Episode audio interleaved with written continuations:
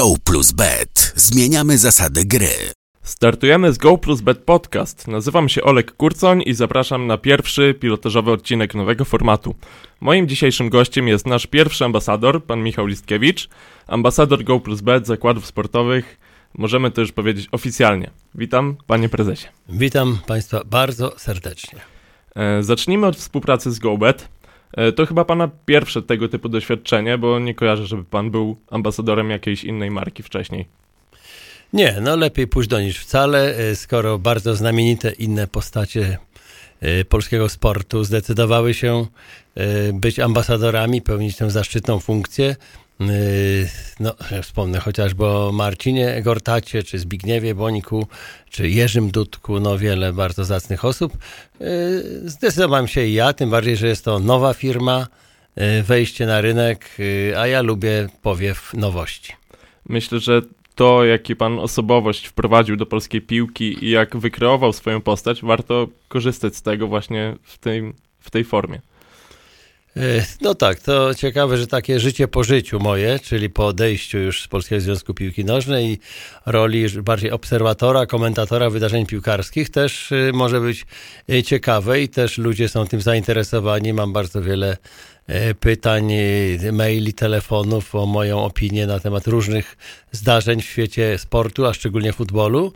E, no więc jest, jest to bardzo, bardzo nęcące i e, doświadczenie, e, które zebrałem przez wiele, wiele lat, teraz mi się bardzo przydaje.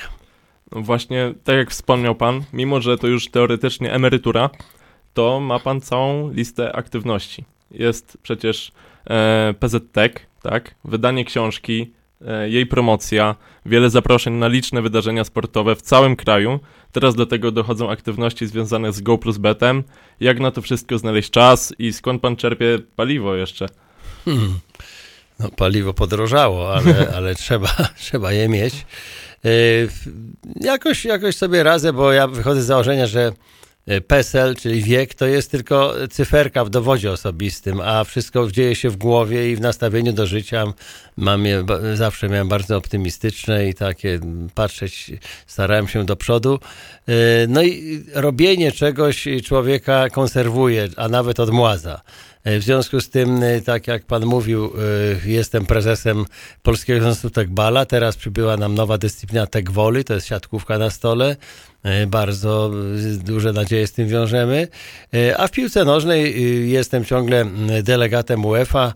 Właśnie niedługo będę delegatem na meczu Ukraina-Irlandia. Ciekawostka, ten mecz odbędzie się w Polsce z wiadomych względów, w Łodzi. Dużo jeżdżę na mecze różnych klas. Prezes PZPN-u wykorzystuje mnie również w takich celach dyplomatycznych.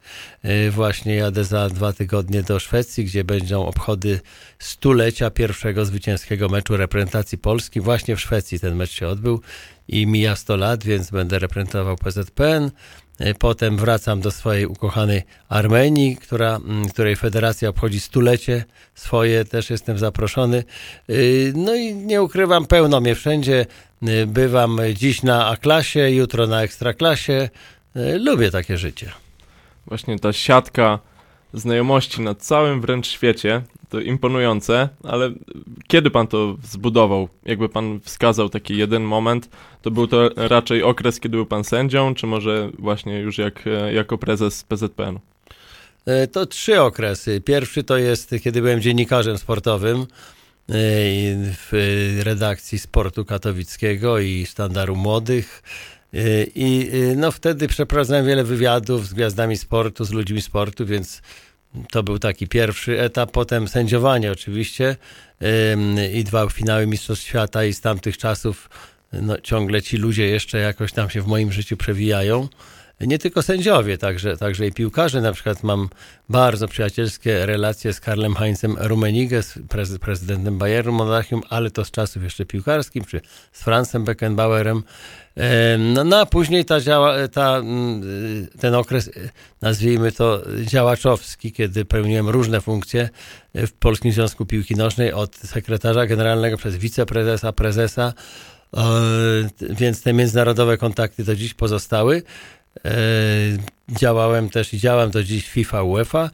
Natomiast w kraju najbardziej cenne są kontakty, które zawarłem poprzez pana Kazimierza Górskiego, legendarnego, najlepszego w historii polskiego trenera, ponieważ on, tak jak ja, bardzo dużo jeździł po kraju. E, w różne miejsca, na wioski, do małych miasteczek, do dużych miast. E, I ja mu zawsze towarzyszyłem, ponieważ pan Kazimierz nie miał prawa jazdy, więc ja robiłem za kamerdynera, kierowcę i przyjaciela. I no tak się śmialiśmy z Kolbergiem po kraju, jak to kiedyś był słynny Kolberg, etnograf, tak pan Kazimierz e, zabierał mnie wszędzie i po tamtych wizytach zostały nie tylko wspomnienia zawarte w mojej książce, ale także do dziś bardzo żywe kontakty. Właśnie czytałem pana książkę i było czuć e, bardzo dużą chemię e, między wami, czyli między panem prezesem e, ówczesnym, bo przecież e, Kazimierz Górski był prezesem PZPN-u, a, a panem. Była tam taka jedna fajna historia o tym, jak pojechaliście na mecz bodajże A-klasy, gdzieś jakieś niższe rozgrywki, tak? tak? Pojechaliście chyba na grzyby i usłyszeliście mecz w tle. No tak, to właśnie było typowe dla pana Kazimierza, że udaliśmy się na Mazury, na grzyby, ale mm, dochodziły odgłosy meczu piłkarskiego, więc pan Kazio natychmiast zarządził przerwę w grzybach i ruszyliśmy tam leśną drogą. Na... Rzeczywiście był mecz y, siódmej ligi, można powiedzieć. E, no ale to nie miało znaczenia. Mecz to mecz. I pan Kazimierz wtedy, no oczywiście z właściwym sobie humorem stwierdził, że on tam przyjechał obserwować kandydatów do reprezentacji Polski, wyjął notes, zrobił tym ogromną przyjemność, frajdę yy, miejscowym i, i, i tym, nie tylko miejscowym, również i przyjezdnym zawodnikom. No taki to był człowiek bardzo otwarty, bardzo yy, szczery, po prostu kochany. E, pana też często widać na meczach niższych lig. E, czy to jest właśnie takie nawiązanie do tego, co, co pan Górski też robił, czy, czy to jakaś własna inicjatywa? E, to z tego się bierze, że, że przy panu Kasiu zobaczyłem, jak wspaniali ludzie są tam na dole tej piłkarskiej piramidy, e, którzy nie pracują dla pieniędzy, którzy często nawet dokładają, do tego jest to ich pasja i staram się, kiedy tylko mogę być, mam blisko siebie taki klubik e, na Kaszubach, Grom Nakla, to jest A-klasa mm, i, i naprawdę to są niesamowite sceny, jak przyjeżdżają 3-4 samochody, wysiadają piłkarze, zawieszają siatki na bramkach, malują linię, potem grają w piłkę, e, a potem wspólnie z rywalami jakąś tam buteleczkę piwa czy dwie wspólnie wychylą i omawiają, omawiają mecz. To jest prawdziwy, czysty, radosny sport jak był pan prezesem PZP, no to chyba czasu na takie wypady nie było. No tak, prezesura to już była zupełnie inna odpowiedzialność, ponieważ na moich barkach spoczywała ta, ta instytucja. Y, nie mogłem się panem Kazimierzem Górskim już zasłaniać. Y, no i rzeczywiście dużo, dużo stresu, dużo nerwów. To był bardzo trudny czas, y, kiedy takie bardzo nie, nie, niedobre zjawiska się pojawiły w polskiej piłce. E, korupcyjne, poza tym była walka polityczna z ówczesnymi politykami, ministrami sportu. Mm, no ale jakoś, jakoś to przetrwałem. E, skupiłem się głównie na pracy e, międzynarodowej, dyplomatycznej, co zaowocowało mm, przyznaniem Polsce organizacji Euro 2012. Oczywiście zasługa była również, a może większa trochę nawet naszych przyjaciół z Ukrainy, bo oni byli inicjatorami tego pomysłu, ale sukces był przeogromny i do dziś ta impreza rzutuje pozytywnie na obraz polskich stadionów, y, polskiej piłki, polskiego sportu. Wejdź do gry z Go Plus Bet. Czyli można powiedzieć, że to jest największy sukces e, pana jako prezesa, właśnie doprowadzenie do tego, że dostaliśmy euro, bo tych sukcesów innych też było trochę. Na przykład e, wybranie odpowiednich selekcjonerów, bo e, trafił pan z wyborami, e, awans na mundial, awans pierwszy historyczny na euro, więc no, tych sukcesów się trochę naskładało. A taki największy? Największy to oczywiście Euro 2012, ponieważ w najśmielszych snach bym nie przypuszczał, zostając prezesem, że będę tym, który da Polsce euro.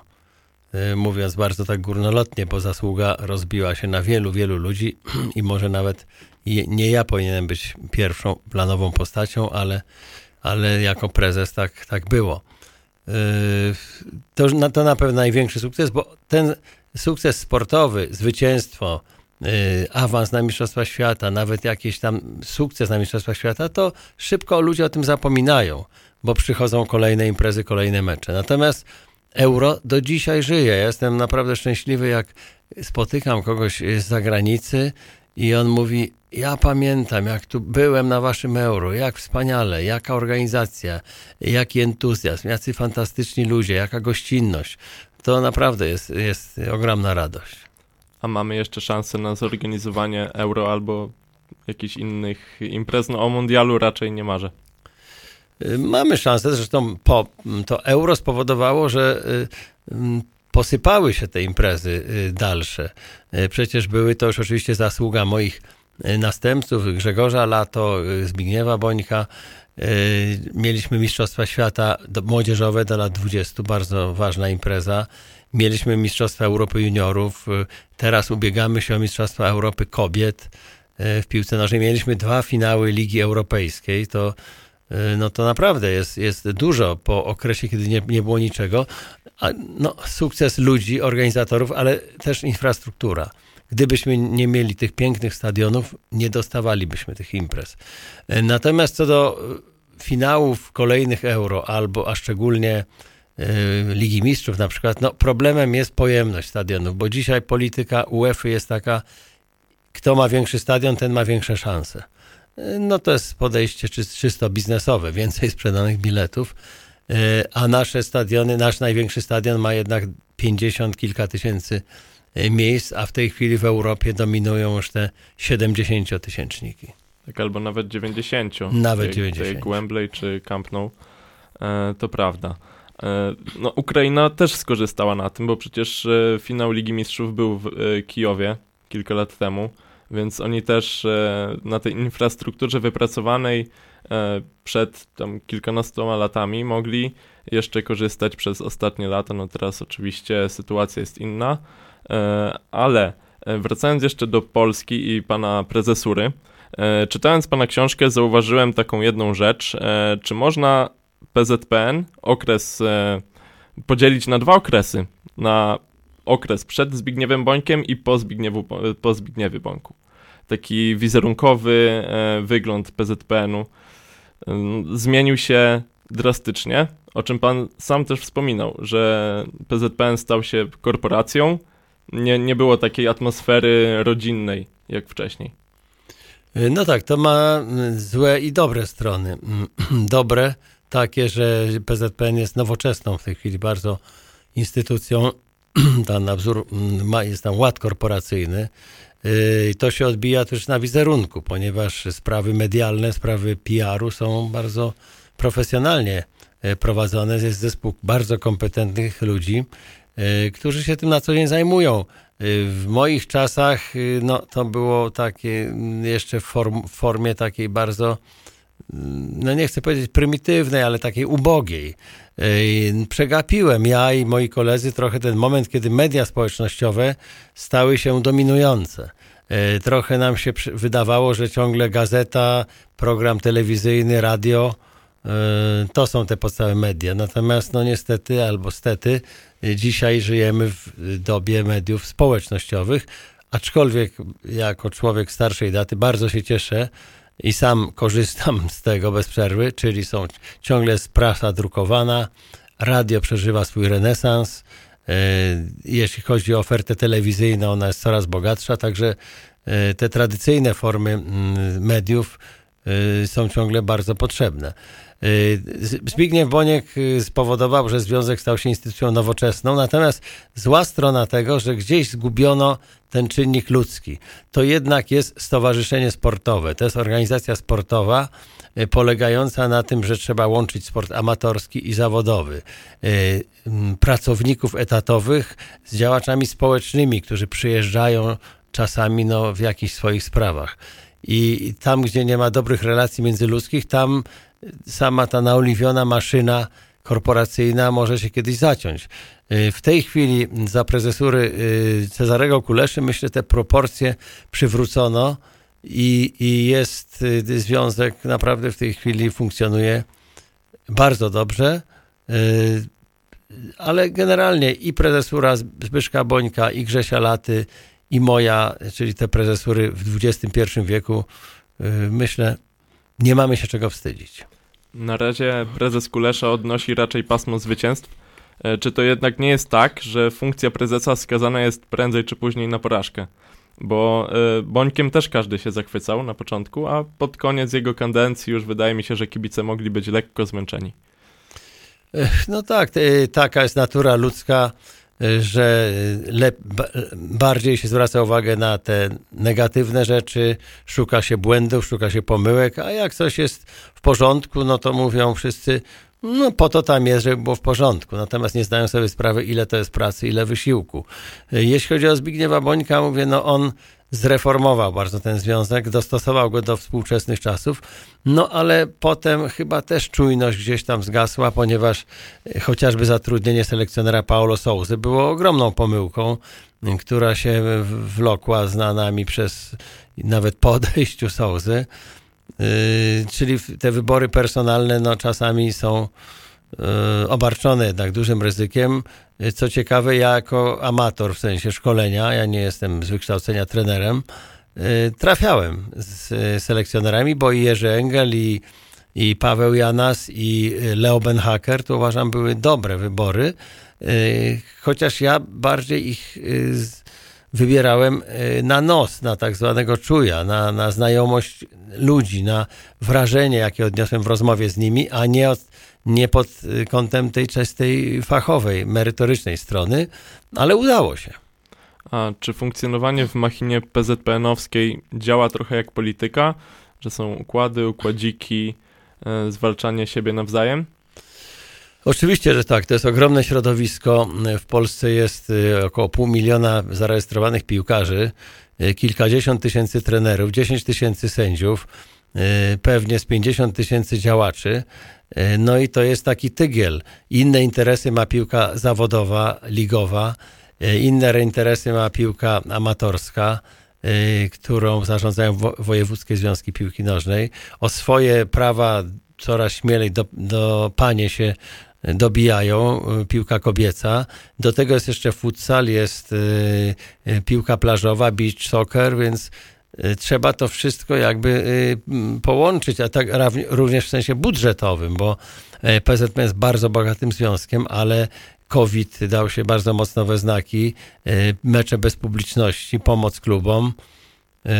No, w tej chwili na szczęście jest ten oddech, bo awans do, na Mistrzostwa Świata w Katarze to jest spory zastrzyk gotówki, więc y, tu prezes Kulesza mógł odetchnąć y, z ulgą.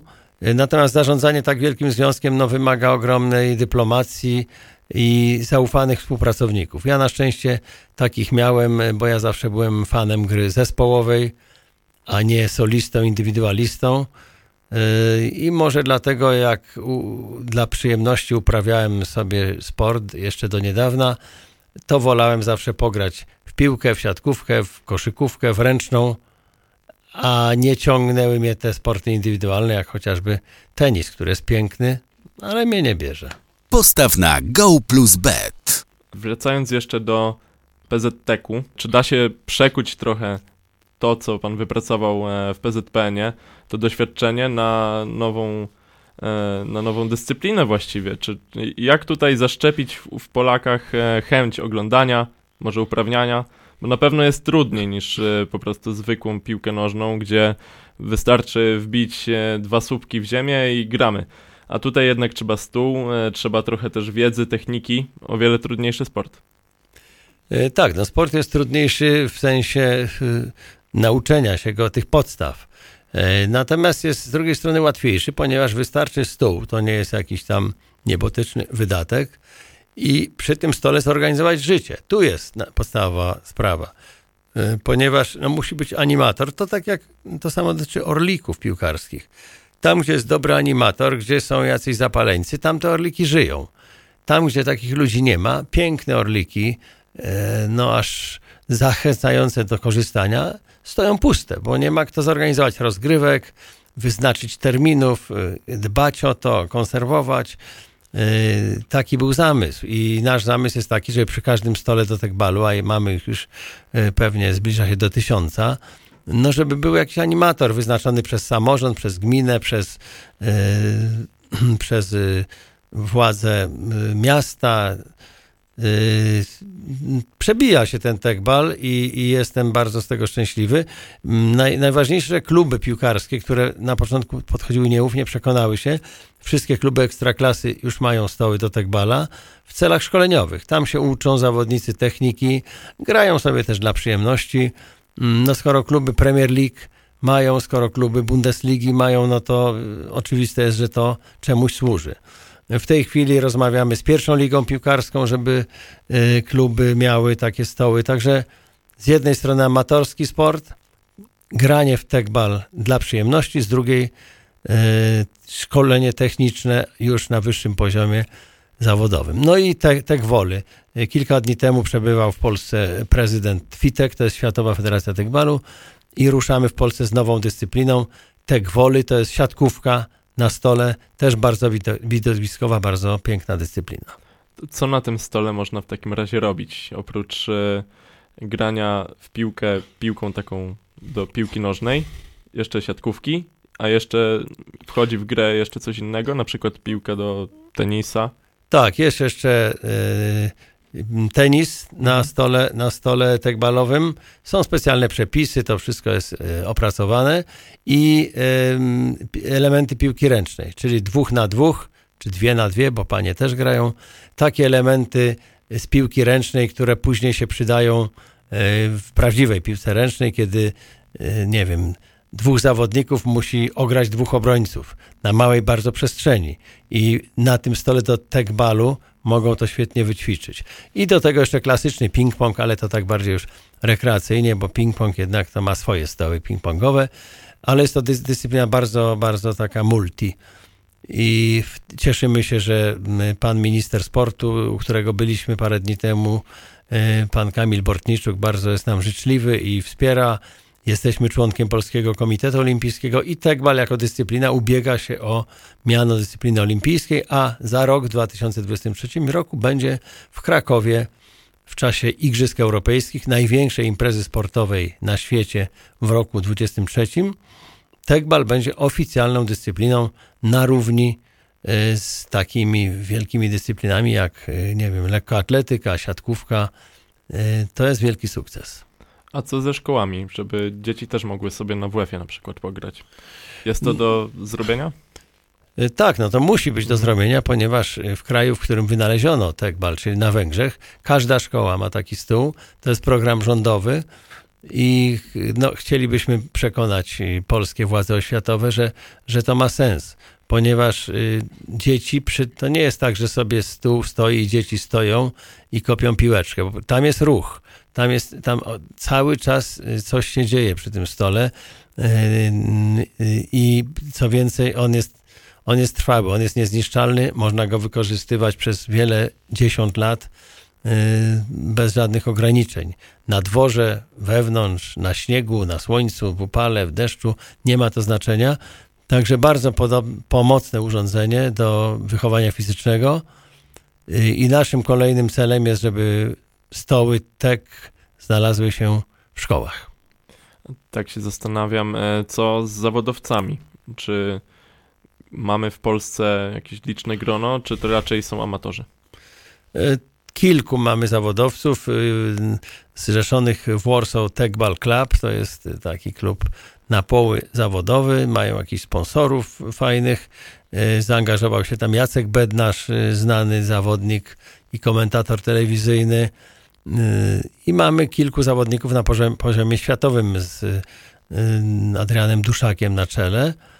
Y, ale nie o to chodzi. Bardziej nam chodzi o to, żeby grali też przede wszystkim ludzie dla przyjemności, amatorzy, a jak później komuś pójdzie na arenie międzynarodowej, to bardzo dobrze. No, y, świetnie, że kobiety się też dały zaprosić i od roku, półtora mamy już kilkanaście dobrze grających pań, a co więcej, ciekawostka, nawet się pary potworzyły, spotkali się przy stole i dwa śluby i wesela już mieliśmy e, tak balowe. To ja jeszcze tylko tak na zakończenie e, tego wątku dokonam takiej autopromocji, bo na GoBet jako jedyni w Polsce mamy możliwość e, oferowania meczów właśnie techballowych w ramach Go Gamesów i to rzeczywiście jest unikatowość e, na skalę polską. Najlepsze kursy w Go plus Bet. Wracamy do tematu piłkarskiego. Wspomniał Pan, że Pan jest e, delegatem, więc może parę słów na temat tej pracy, pracy, nie pracy i jaka, jakie są największe plusy? No to jest y, zajęcie bardziej niż praca, ponieważ y, takich meczów w roku nie, nie jest wiele, pięć, może siedem. Y, ale jest to ogromna frajda, przyjemność, ponieważ ogląda się mecze na największych stadionach, podróżuje do fajnych krajów. Jest, jest oczywiście odpowiedzialność. Trzeba swoją pracę wykonać. Nie można tam turystycznie jechać i jakieś fuchy odwalić ponieważ ja muszę raportować wszystko, co się dzieje, więc jak się nic nie dzieje, to jest fajnie, ale czasami kibice narozrabiają, są jakieś niedoróbki organizacyjne, są czasami takie przygody, jak nie wiem, światło zgaśnie, trzeba mecz dokończyć następnego dnia, albo jakaś się zerwie nawałnica i, i też boisko zaleje. E, albo się drużyna spóźnia, albo są sprawy z COVID-em związane. Teraz na szczęście już nie, ale, ale były to trudne tematy. E, fair play trzeba oceniać. Także jest tam dużo w czasie meczu pracy, ale generalnie jest to oczywiście e, przyjemność. Ja tym delegatem jestem już 25 lat, więc to już jestem weteranem. Na pewno w Polsce nikt dłużej nie jest. I ciągle, ciągle jestem jakoś tam wykorzystywany, a to na mecze Ligi A i to jest bardzo fajne, że jednego dnia się jedzie na mecz Ligi Mistrzów Real Madryt, czy Barcelona, czy Manchester, a za miesiąc jedzie się na mecz juniorów do Albanii albo kobiet y, na, do Estonii. No, także taka różnorodność ogromna. U sędziów tego nie ma, bo sędzia jak się już na pewien poziom wzbije, to jeździ już tylko na te najważniejsze mecze. A ja nie ukrywam, że najbardziej lubię jako delegat tak zwane mini turnieje. To trwa 8 dni, jest się w jednym miejscu, przeważnie są to małe miejscowości, jakieś małe hoteliki, małe boiska i tam jest taka fajna atmosfera jeszcze tego sportu nieskażonego wielkim pieniądzem i yy, ogląda się młodych zawodników, z których niektórzy po kilku latach, ja ich obserwuję, nagle wyskakują na wielkich graczy, grając właśnie w, najważniejszych imprezach. E, ich rozwój później często śledzę. Yy, no różne, różne są te mecze, czasami yy, trzeba uczyć tych, szczególnie jak jest początek rozgrywek mm, yy, pucharowych w lipcu, więc przystępują do gry drużyny niedoświadczone, mało znane. Czasami trzeba ich uczyć w ogóle podstawowych rzeczy. Potem im dłużej trwa sezon, tym mniej jest takich drużyn zielonych, że tak powiem, i tylko są ci, którzy już wszystko jakby mają w małym palcu. Yy, byłem też obserwatorem sędziów, to jest inna praca, tam się ocenia tylko poziom sędziowania i omawia się z sędzią jego błędy, albo wytyka mu yy, pomyłki, albo odwrotnie, chwali się go i, i pisze się stosowny raport. Natomiast dzięki tej pracy obserwatora, delegata, no zwiedziłem naprawdę cały świat, bo byłem na Mistrzostwach Świata yy, dziewczyn 17-letnich, E, w Kostaryce, w Trinidadzie Tobago, w Nowej Zelandii, e, no więc tego typu odległe kraje, e, ale także na Mistrzostwach Seniorów w Południowej Afryce, we Francji i, i tak dalej. No jest to, jest to bardzo, bardzo ciekawa praca, takie ukoronowanie, powiedziałbym, tej pracy w piłce. Wspomniał Pan o sędziowaniu i o sędziach w wielkich meczach. W ostatnich tygodniach Polska żyła Szymonem Marciniakiem, który mógł dostać e, fi, e, finały Pucharów Europejskich. Ostatecznie został pominięty przez UEFA. E, zastanawiam się, jak pan ocenia tę decyzję, bo, bo Szymon chyba miał duże szanse na sędziowanie nawet finału Ligi Mistrzów. Ale ludzie po prostu nie bardzo znają kulisy podejmowania takich decyzji. Szymon miał bardzo małe szanse, ponieważ są pewne zasady. Sędzia, który sędziuje półfinał, w zasadzie z góry wiadomo nie posędziuje finału. Tak jest na przykład na mundialach i tak jest też w Lidze Mistrzów. No zdarzają się wyjątki, tak jak teraz sędzia y, rumuński, który sędziował półfinał Ligi Mistrzów, będzie sędziował finał Ligi Konferencji. Y, ale to jest młody sędzia, więc tak trochę na zachętę. Poza tym Liga Konferencji to, to nie są rozgrywki aż tak bardzo prestiżowe. Myślę, że Szymon specjalnie by nie był szczęśliwy, gdyby go tam wyznaczono. Posędziował półfinał perfekcyjnie, doskonale. E, Wcześniej też w Liverpoolu świetny mecz. Jest w bardzo dobrej formie i w tej chwili najważniejsze jest, żeby mm, pojechał do Kataru, a to mo- moim zdaniem jest to, jest to tylko formalność, no ale poczekajmy na oficjalną decyzję FIFA. I w tym Katarze, żeby zaprezentował się lepiej niż na poprzednich Mistrzostwach Świata, czy, czy może żeby był dłużej na tym, na tym mundialu, y, czy przebił się z tej fazy grupowej i potem doszedł no, przynajmniej do ćwierćfinałów. Y, A myślę, że w tej formie, jakiej jest obecnie, jeżeli ją utrzyma, albo jeszcze troszeczkę doda do, od siebie, to będzie bardzo poważnym kandydatem na finał Ligi Mistrzów za rok. To jakie są kryteria dla sędziów, którzy są typowani do finału? Bo czy jakiś jeden mały błąd nawet potrafi skreślić szansę takiego sędziego? Y, Błędy są analizowane oczywiście, ale jakby one przynależą do, do tego fachu, tak jak do gry w piłkę, do piłkarzy. Y, Natomiast y, ważne jest, czy to był sporadyczny błąd, czy, te, czy ten sędzia popełnia tego rodzaju błędy częściej. Y, Dwa, co było przyczyną tego błędu? Czy, bo czasami mm, winny nie jest sędzia główny, winny jest asystent, winny jest sędzia VAR, który nie zareagował, nie, szybko nie przeanalizował sytuacji. Także to jest, to się później dopiero stwierdzają odpowiednie, odpowiedni fachowcy. Y, Natomiast jest tu dużo geopolityki. Wiadomo, że y, ten finał Ligi Mistrzów zbliżający się rozgrywany jest w Paryżu, więc już sędzia z Francji z automatu jest y, uprzywilejowany, bo to jest taki ukłon w stronę gospodarzy, że wasz sędzia będzie sędziował. Y, Tym bardziej, że nie gra drużyna francuska, no to w ogóle ta sprawa była jeszcze bardziej oczywista. Y, I myślę, że, że tej geopolityki tutaj jest, jest bardzo dużo. Mm, Dominują w Europie ta wielka piątka tak zwana, y, czyli Anglia, Francja, Niemcy, Hiszpania, Włochy. I sędziowie z tych krajów, im jest trochę łatwiej. Y, Dlaczego? No dlatego, że te ligi uważane są za najlepsze, najtrudniejsze do sędziowania. I tak jest rzeczywiście. Sędzia mm, w takiej lidze co tydzień ma wyzwanie ogromne.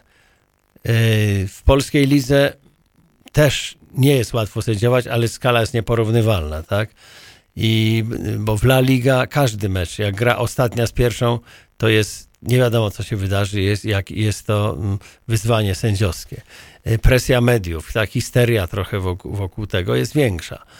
Yy, No a sędziowie z pozostałych krajów, tak zwanych średnich, jak, jak Polska, mówię o średnich w sensie piłkarskim, no muszą się ciężką pracą i, i, i łutem szczęścia przebijać i tak to robi Szymon. Y, Właśnie wielu ludzi sobie żartowało, jak e, Szymon sędziował mecz Realu, a za kilka dni musiał pewnie pojechać do na przykład e, meczu Górniki, Górnika Łęczna. Więc E, jak no tutaj taki tak. przeskok w ogóle absurdalnie brzmi. No tak, ale to pił, u piłkarzy jest podobnie, tak, że yy, szczególnie piłkarzy, mm, którzy nie grają w tych największych klubach, a grają w reprezentacji. Yy, że na przykład, no nie wiem, yy, Dzeko, tak, genialny piłkarz, grający w jednej z najlepszych lig świata, no potem jedzie i w reprezentacji Bośni i Hercegowiny gra z Albanią na przykład, czy, czy z Islandią. Y, Natomiast co do sędziów, to są profesjonaliści. Oni myślę, nie, nie, nie jest to dla nich przeszkodą. No kiedyś było jeszcze trudniej, znaczy jeszcze dziwniej, ponieważ w moich czasach, jak wracałem z meczu za granicą, czy nawet z meczu trudnego, ligo ekstraklasowego, to musiałem następnego dnia jechać na mecz y, B-klasy, na wioskę. Hmm. Taki był wtedy system. Chodziło o to, żeby pokazać, że ci sędziowie o znanych nazwiskach nie, nie są, tak, niech nie będą takimi gwiazdami, niech też zejdą tam na dół do ludzi. A ja to kochałem, ja to bardzo lubiłem. Pojechać sobie po, nie wiem, meczu y, Górnik, Górnik Zabrze Widzew Łódź, czy, mm, czy y, y, Manchester, Manchester z jakąś, jakimś rywalem Paris Saint-Germain i za dwa dni pojechać na mecz gdzieś do Garwolina, jak Garwolin grał z, z, z Dęblinem na przykład. E, Kiedyś pan też sędziował finał Mistrzostw Świata i e, zastanawiam się, jak wtedy wyglądała selekcja sędziów. Wtedy był zupełnie inny system, nie było trójek narodowych, dzisiaj są stałe trójki. Szymon Marciniak ma dwóch stałych od wielu, wielu lat em, asystentów, e, Pawła Sokolnickiego i mojego syna Tomka. E, Do tego jeszcze jest e, jako sędzia techniczny, czy to Paweł Raszkowski, czy Tomek Musiał. I oni się znają, nie obudzeni o drugiej w nocy, wiedzą, co mają robić, rozumieją się bez słów. Natomiast w moich czasach nie było trójek. Jechał jeden sędzia z Polski, jeden z Czech, y, jeden y, ze Szwecji i tak dalej, i tak dalej. I na miejscu dopiero nas takimi zespołami dobierano mecz po meczu. Także ja na Mistrzostwach Świata przesędziowałem 8 spotkań z siedmioma różnymi arbitrami. Tylko raz mi się trafił Francuz Michel Wotro, zresztą wspaniały arbiter, że z nim miałem dwa mecze. Mecz otwarcia i półfinał. A tak to był cały czas melanż i czasami się trafiało na takiego osobnika, z którym nie było wspólnego języka, szczególnie z Ameryki Południowej. Y, Oni po pierwsze nie mówili w języku angielskim, a po drugie byli bardzo aroganccy, zarozumiali, zakochani w sobie, więc nie było to łatwe. W Go Plus Bet sport dzieje się na okrągło. To jak się wtedy komunikowaliście? Jak e, nawet nie porozumiewaliście się w tym samym języku? Y, No, tak zwany body language, czyli mowa ciała. Y, Są pewne umówione sygnały sędziowskie, czy to no, głównie rękami, różne tam podpowiedzi palcami, ustawianie się. Y, Kibice tego nie widzą, ale ja widzę, jak jestem na meczu, jak sędzia stoi bokiem w jedną stronę, w drugą, gdzieś tam się drapie za lewym uchem, to wszystko są sygnały. Również kontakt wzrokowy, który był wtedy nieodzowny. Później technika przyszła w sukurs, weszły mikrofony, słuchawki, bipery tak zwane, czyli takie przyciski w chorągiewce, yy, w rączce chorągiewki, że sędzia główny taki pulsator mu tam na ręku pulsował, że coś sędzia czegoś chce ten kolega, na coś zwraca uwagę. No a teraz mamy jeszcze VAR, to, to w ogóle jest to... Yy, sędziowanie się bardzo zmieniło. W tej chwili sędzia główny musi przede wszystkim zarządzać meczem i zawodnikami. Mieć porządek na boisku, mieć respekt. Natomiast takie kluczowe decyzje, najważniejsze, i tak VAR mu w razie czego zweryfikuje, typu prawidłowość bramki, rzut karny, czerwona kartka. Także jest i łatwiej, i trudniej. A Jest pan zwolennikiem technologii u sędziów, czy nie? Y, Jestem zwolennikiem technologii, bo ona powoduje, że liczba błędów jest mniejsza i no, te mecze są lepiej prowadzone, ale y, jestem wrogiem zdania się tylko na technologię. Y, To coś jak z jazdą samochodem. Jeżeli ktoś tylko jeździ według GPS-u i pewnego dnia mu, nie wiem, bateria siądzie, coś się stanie, GPS odmówi współpracy, no to człowiek y, rozsądny powinien dać sobie radę. Y, y, Wyciągnąć mapę, zapytać przechodniów, patrzeć na znaki drogowe. I tak samo jest w sędziowaniu. No, znawali system komunikacji, to trzeba sędziować metodą tradycyjną, gwizdek, chorągiewka. Natomiast są młodzi sędziowie, którzy tak się, że tak powiem, uzależnili od tego y, systemu chorągiewka, przepraszam, od systemu y, mikrofon, słuchawka, VAR, że jakby ich wypuścić na boisko B-klasowe bez tego wszystkiego, to mogliby mieć problemy. Przez doświadczenie wyniesione e, z wielu lat e, sędziowania, czy ma pan bardziej e, przychylne oko do sędziów, jakby rozumie błędy, które są popełniane? No ja jestem, zawsze będę przyjacielem sędziów. Niektórzy mi za, zarzucają, że, że bronię sędziów, czasami w kontrowersyjnych sytuacjach. Ja mówię, oczywiście, że bronię, bo to jest moje środowisko, to są moi y, dawni koledzy, albo ludzie młodzi, którzy, którym ja bardzo kibicuję. To tak coś jak profesor w szkole. Y, No będzie zawsze swoim wychowankom czy, czy uczniom ze swojej szkoły życzliwy. Y, Oczywiście, kiedy sprawa ewidentna, no nie będę bronił przegranej sprawy, ale staram się zrozumieć, dlaczego sędzia popełnił błąd i ostatnio y, na jednym z meczów zauważyłem, że sędzia po prostu był nieprzygotowany fizycznie. Po, w końcówce popełniał dość duże błędy. I zwróciłem mu uwagę, słuchaj, musisz przyjeżdżać przygotowany. Y, Mecz trwa 90 kilka minut, to to musisz mieć siły na 100 minut. E, No i przyznał mi rację, mówi, że ma jakieś tam problemy domowo, zawodowe i nie trenował tak jak należy i to od razu widać. Y, Właśnie w sporcie wielu ludzi zwraca uwagę na formę fizyczną zawodników, ale przecież sędziowie też mają e, egzaminy sprawnościowe, muszą cały czas trenować. E, ja- Jak to wygląda obecnie? Ile sędzia musi mieć pary w nogach porównywalnie do takiego piłkarza, czy, e, czy więcej, czy mniej? Prawie tyle samo bym powiedział, e, ponieważ te egzaminy są bardzo dziś wyśrubowane. Kiedyś były, wydawały nam się, mnie się wydawało, że one są dość trudne, tak zwany test Coopera, trochę rozszerzony, ale to w sumie było łatwiejsze dużo niż to, co jest teraz. Teraz są te interwały, trzeba w bardzo dużym tempie szybko pokonywać takie mniejsze odcinki.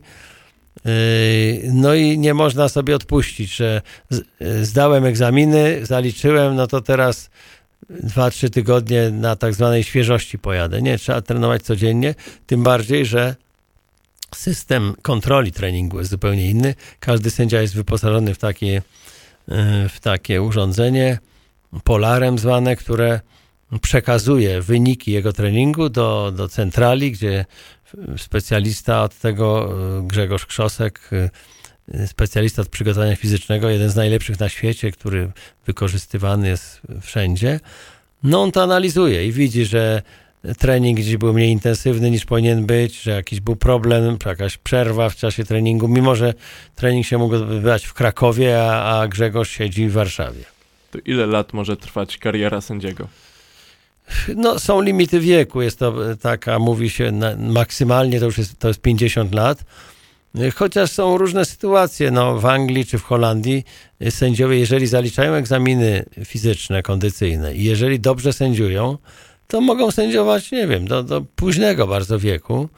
E, Ale oczywiście orga- organizmu się nie, oszuka. To jest tak samo jak u piłkarzy. No, E, Kiedyś taki Stanley Matthews mógł grać po 50, ale było inne tempo gry. Dzisiaj piłkarz po 35-6 latach to już jest zawodnik, który powoli musi myśle, myśleć o końcu kariery, albo już o grze w takich ligach mniej wymagających. I tak samo jest z sędziami. E, Chociaż doświadczenie w tej, w tej pracy jest bardzo, bardzo potrzebne e, i e, może nawet podstawowe. Jeżeli ktoś przerobił w życiu tysiąc sytuacji z symulacją w polu karnym, to on się nie da nabrać nigdy na symulację. Natomiast jak ktoś zaczyna dopiero sędziowanie poważne i zetknie się z symulowaniem, to może się tutaj dać, dać oszukać. Jeszcze chciałbym wrócić na chwilę do pana kariery. E, W pana książce przeczytałem taki fragment, że Diego Maradona panu kopał w drzwi sędziowskie i tam wykrzykiwał, groźby rzucał. E, Chciałbym właśnie czegoś więcej posłuchać na ten temat, bo wydaje się bardzo interesująca ta historia. Myślę, że mało osób może powiedzieć, że usłyszało groźbę od samego Diego Maradony. No, czy ona jest interesująca? No, jest taka w sumie z, z dystansu, tym bardziej, że Diego niestety już nie żyje. No, może się wydać zabawna, ale wtedy nam do śmiechu nie było, bo było naprawdę groźnie. E, Grupa e, wkurzonych facetów, rozjuszonych, no, próbowała sforsować drzwi. Wtedy jeszcze nie było takich zabezpieczeń jak dzisiaj ochroniarzy. Tam może dwóch starszych panów stało i pod naszą szatnią i tyle. E, No, ale to były tak ogromne emocje. Finał Mistrzostw Świata, przegrany z rzutu karnego, ogromna frustracja, złość. No, no to, się, to się zdarza. Ja później spotkałem kilkakrotnie Diego Maradonę i, i ten temat jakby już nie wracał zupełnie. Y, Natomiast no, sędzia główny, którym był Meksykanin Edgardo Codezal, on miał trudniej, ponieważ on był z Meksyku. y, tam w, w jakichś emocjach Maradona wykrzyczał, że go tam w tym Meksyku gdzieś znajdą, dopadną wiadomo, mówią tym samym językiem, yy, więc to jeszcze więcej zrozumiał niż ja. No ale nie, oczywiście nic się tam nie stało. Później yy, Diego, później był trenerem reprezentacji Argentyny, komentatorem, no prowadził bardzo bujne, za, za, zbyt nawet bujne życie, yy, chyba yy, jak się okazało. A sędzia Codezal yy, jest bardzo uznanym lekarzem, ordynatorem i, i odszedł od piłki po tym wydarzeniu. Czyli jednak wziął chyba do siebie te groźby. no po, po prostu postanowił, że ma dosyć tego. On już był uznanym sędzią.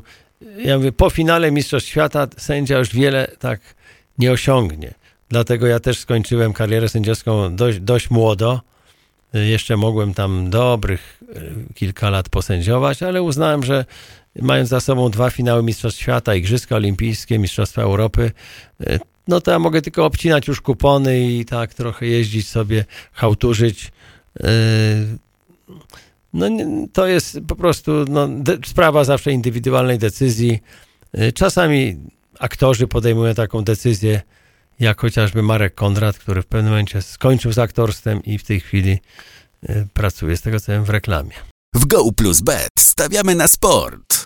Parę tygodni temu w sumie był mecz e, PSG z Realem i pamiętam, że tam była też taka sytuacja, że włodarze PSG e, mocno wkurzeni na sędziów wparowali do pokoju sędziowskiego, więc wydaje mi się, że ta historia chociaż sprzed kilkudziesięciu lat to dalej może się powtórzyć. No, w tej chwili jest jeszcze trudniej, ponieważ wielki biznes wszedł do piłki i tacy włodarze, oni nie tylko tracą nerwy, czy, czy, czy jakąś przeżywają no, e, niezdrowe emocje, ale tracą też pieniądze. Oni sobie to przeliczają, że taka porażka kosztuje, więc to chyba jeszcze dorzuca tak zwanego drewna do pieca. Yy, no, różne były sytuacje. Dzisiaj myślę, to jest raczej już incydentalne to, co się stało w Paryżu, ale pamiętam Mistrzostwa Świata, kiedy szejk, yy, szejk arabski yy, zbiegł z trybun na boisko i domagał się anulowania decyzji sędziowskiej o spalonym bodajże i, i nieuznaniu bramki i sędzia wystraszony tak zrobił. Pod wpływem tego pana szejka w białych, białej szacie yy, anulował swoją decyzję, co było wielkim skandalem. No były, były takie historie. Mnie się na szczęście nie zdarzyło yy, coś takiego. Zawsze yy, emocje jakoś starałem się tam tonować. Nie wchodzić w konfrontację, przeczekać zawsze ten, ten pierwszy gniew i, i wyjść z tego z obronną ręką. Kojarzę też taką historię chyba z Grecji, e, że prezes czy właściciel klubu wparował na murawę z pistoletem w trakcie meczu. E, więc jak UEFA mogłaby temu zaradzić, żeby no jednak sędziowie czuli się bezpiecznie? No tak, to był słynny pan prezes PAOK-u Saloniki, Rosjanin zresztą, który sobie kupił klub w Grecji. No i ponieważ pewnie w swoich biznesach czy innej działalności posługiwał się pistoletem w Rosji, no to postanowił w Grecji też. Myślę, że tak samo załatwić e, sprawę. Załatwić sprawę tak krótko i konkretnie. No oczywiście wielka była afera, jakoś to się tam, roz, oczywiście odsunięto go, ale tam jakichś innych konsekwencji nie było ponieważ zdaje się tam nie nabity był ten pistolet, czy atrapą był, no ale nie, skandaliczna oczywiście sprawa. Yy, UEFA, no UEFA jest trochę w sytuacji takiej, że nie może mm, iść na całość, ponieważ uzależniona jest od y, sponsorów, uzależniona jest coraz bardziej od polityki, y, podobnie jak FIFA, no i musi tu iść na pewne kompromisy, zresztą dotyczy to nawet karania za zachowania kibiców, e, że te, mm, te sankcje e, nie są aż tak drastyczne, jak, jak, jak się zapowiada. I, I wiele klubów, niestety czasami polski klub się tam zawieruszy, no, do, dostaje sankcje, które nie są tak bardzo dotkliwe, to raczej jest takie ciągłe pokazywanie żółtej kartki. Zastanawiam się, co w takim razie z Rosją, bo przez chwilę był to taki gorący ziemniak. Każdy przerzucał odpowiedzialność. E, ostatecznie e, zawieszono reprezentację, nie dopuszczono ich do baraży. No ale y, do kiedy taka sytuacja będzie miała miejsce? Czy UEFA poczeka, aż e, zakończy się wojna, bo to przecież nie wiadomo, kiedy to się skończy?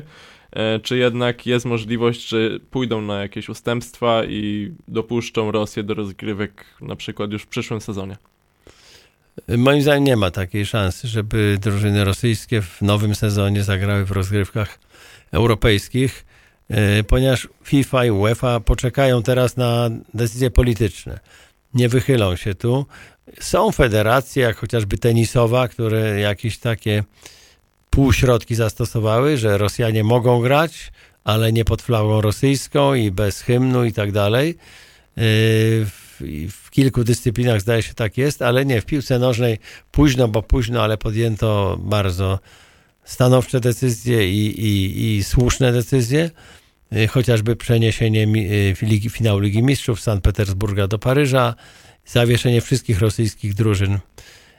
A to nie tylko drużyny reprezentacja, czy, czy Zenit, czy Spartak, ale to są również juniorzy, kobiety, futsal, wszystko. Takie wykluczenie z rywalizacji międzynarodowej to jest naprawdę dotkliwe y, w sensie nawet przyszłości, bo y, tacy młodzi ludzie z Rosji, y, którzy nie grają, nie rywalizują na arenie międzynarodowej, no to oni się zatrzymają w rozwoju i za, za kilka lat to nie będą piłkarze, którzy mogliby tę rosyjską reprezentację, jak będzie kiedyś może przywrócona, y, gdzieś tam do sukcesów pociągnąć. No, mówi się, że Rosja szuka planu B, czyli zwrócenia się na wschód i dołączenia do azjatyckiej federacji, czyli grania na, y, tam w drugą stronę, czyli z Chinami, z Koreą, z Japonią, z krajami arabskimi. No ale to też chyba im nie wyjdzie, bo FIFA na to, mam nadzieję, nie pozwoli bo musi być na to zgoda FIFA. No i to by było takie jawne omijanie zasad po swojemu. Tak, oczywiście to byłoby no, kolejne oszustwo i nie można na to pozwolić. W Go Plus Bet zmieniamy zasady gry. Jeszcze chciałbym nawiązać do wielkiej piłki, do konkretnie Roberta Lewandowskiego, bo najprawdopodobniej odejdzie on z Bayernu. E, co pan sądzi? Czy jest szansa na Barcelonę czy PSG? Czy jednak to tylko takie gierki i ostatecznie zostanie w Bayernie i będzie dalej bił rekordy? E, trudne pytanie i trudna odpowiedź. E, wszystko jest w rękach e, menadżera Roberta. Dziś tak jest świat skonstruowany, że to menadżerowie decydują o losach zawodników, napędzają ogromne pieniądze, ale w zamian też żądają ogromnych praw, przywilejów. Pan Pini Zachawi, który jest menadżerem Lewandowskiego, no to jest y, Szczwany Lis, y, który wytransferował dziesiątki wybitnych zawodników i on tak nie da się klubowi łatwo, że tak powiem, ograć. Myślę, że to jest pewna taka próba siły z Bayernem. Ja więcej bym dawał szans na to, że, że Robert zostanie w Bayernie, Y, ponieważ no, jest mu tam bardzo dobrze, jest, y, no, jest kochany, jest noszony na rękach, świetnie się tam zaaklimatyzował, również jego rodzina jest no, gwiazdą tej ligi, może nawet największą gwiazdą y, i w jego wieku taka nagła zmiana miejsca na klub też bardzo wymagający, bo gdyby wyjeżdżał do Australii, do Chin, tam Zatoka kraje, Emiraty Arabskie, Arabia Saudyjska, co robią znani zawodnicy, ale później. Już tak, że te, rzeczywiście końcóweczka kariery, to byłoby łatwiej. Natomiast tutaj musi sobie zdawać sprawę, że będą ogromne wyzwania, nowe otoczenie, e, nowe towarzystwo e, i, i może być różnie.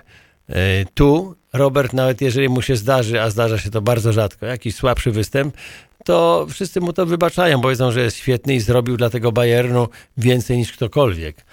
Natomiast w takiej Barcelonie czy Paris Saint-Germain będzie startował z białą kartą od początku. A ciągle jest świetny, ale mówię, no młode wilki atakują i gdzie tam mi doradzać Robertowi, czy się mądrzyć, ale prywatne zupełnie moje zdanie jest, że raczej sądzę, że Robert zostanie, ale na jeszcze lepszych warunkach i przy jakimś takim geście ogromnego uznania ze strony klubu. No, case e, Leo Messiego pokazał, że może być ryzykowna taka zmiana w tym wieku, e, mając taką pozycję w klubie, po co to niszczyć e, na ewentualne właśnie zmiany, może już nie jest ta pora, co mogłaby być kilka lat temu. No Leo Messi, fatalny sezon w lidze francuskiej, chyba nikt się tego nie spodziewał, że będzie aż tak źle. E, a tak zastanawiam się, jakby to wpłynęło, ewentualny transfer na dyspozycję Roberta w Katarze. Gdy on miałby na głowie jeszcze dodatkowo aklimatyzację w nowej lidze, e, przeprowadzkę i tak dalej.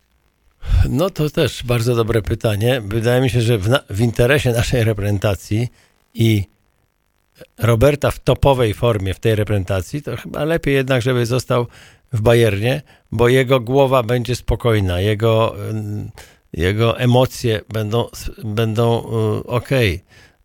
Po prostu nie będzie od... Bo to czasami są sprawy przyziemne. Mieszkanie, szkoła, żona, koledzy, język, klimat, no wszystko, tak? Więc przykład Messiego jest bardzo dobry, że takie jest dobre polskie powiedzenie, lepsze jest wrogiem dobrego. Czasami ludzie mając dobrze, szukają czegoś lepszego, a raz wychodzi, raz nie. nie wiem, jest, jestem bardzo ciekaw, co, co Robert postanowi. Jest na tyle świetnym piłkarzem, że dokąd by nie poszedł, będzie, będzie wielkim atutem tego, tej nowej, tego nowego klubu, ale myślę, że dla jego gry w reprezentacji w Katarze lepiej, gdyby został w Bayernie. To tak e, na koniec chciałbym się zabawić w małą grę, e, bo jesteśmy przecież w podcaście Go Plus Bet, więc e, może jakieś trzy małe typowania polskie z polskim akcentem. Dokąd, jeśli Szymon Marcinek pojedzie do Kataru, to dokąd zajdzie on, dokąd zajdzie reprezentacja Polski i czy Robert Lewandowski zmieni klub? Szymon dotrze do półfinału, E, reprezentacja Polski dotrze do ćwierćfinału. Robert Lewandowski nie zmieni klubu. To zapowiada się bardzo dobre zakończenie roku 2022. Dziękuję bardzo za rozmowę, panie Michale. Dziękuję bardzo i wszystkich e, graczy i fanów e, Go Plus Bet serdecznie pozdrawiam. Będziemy razem bardzo, bardzo często. Do usłyszenia. Do usłyszenia. Wejdź do gry z Go Plus Bet.